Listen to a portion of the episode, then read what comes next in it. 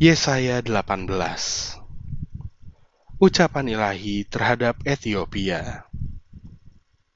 Wahai negeri dengingan sayap di seberang sungai-sungai Ethiopia yang mengirim duta-duta melalui laut dalam perahu-perahu pandan mengarungi permukaan air.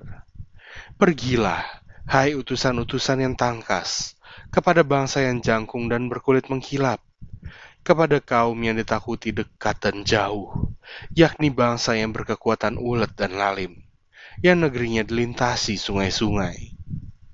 Hai semua penduduk dunia, hai orang-orang yang mendiami bumi, apabila panji-panji dinaikkan di gunung-gunung, lihatlah, apabila sangkakala ditiup, dengarlah, sebab beginilah firman Tuhan kepadaku.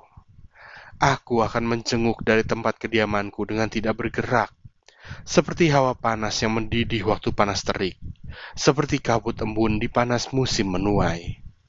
Sebab sebelum musim buah, apabila waktu berbunga sudah berakhir dan gugusan putik menjadi buah anggur yang hendak masak, maka Tuhan akan mengerat ranting-rantingnya dengan pisau pemangkas dan menyisihkan carang-carangnya dengan memancungnya.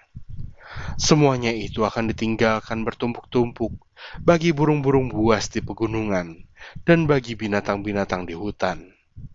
Pada waktu panas, burung-burung buas akan bermukim di situ, dan segala binatang hutan pada musim dingin. Pada waktu itu juga, persembahan akan disampaikan kepada Tuhan semesta alam, dari kaum yang jangkung dan berkulit mengkilap, dan dari kaum yang ditakuti dekat dan jauh yakni bangsa yang berkekuatan ulet dan lalim, yang negerinya dilintasi sungai-sungai, ke tempat nama Tuhan semesta alam, yaitu Gunung Sion.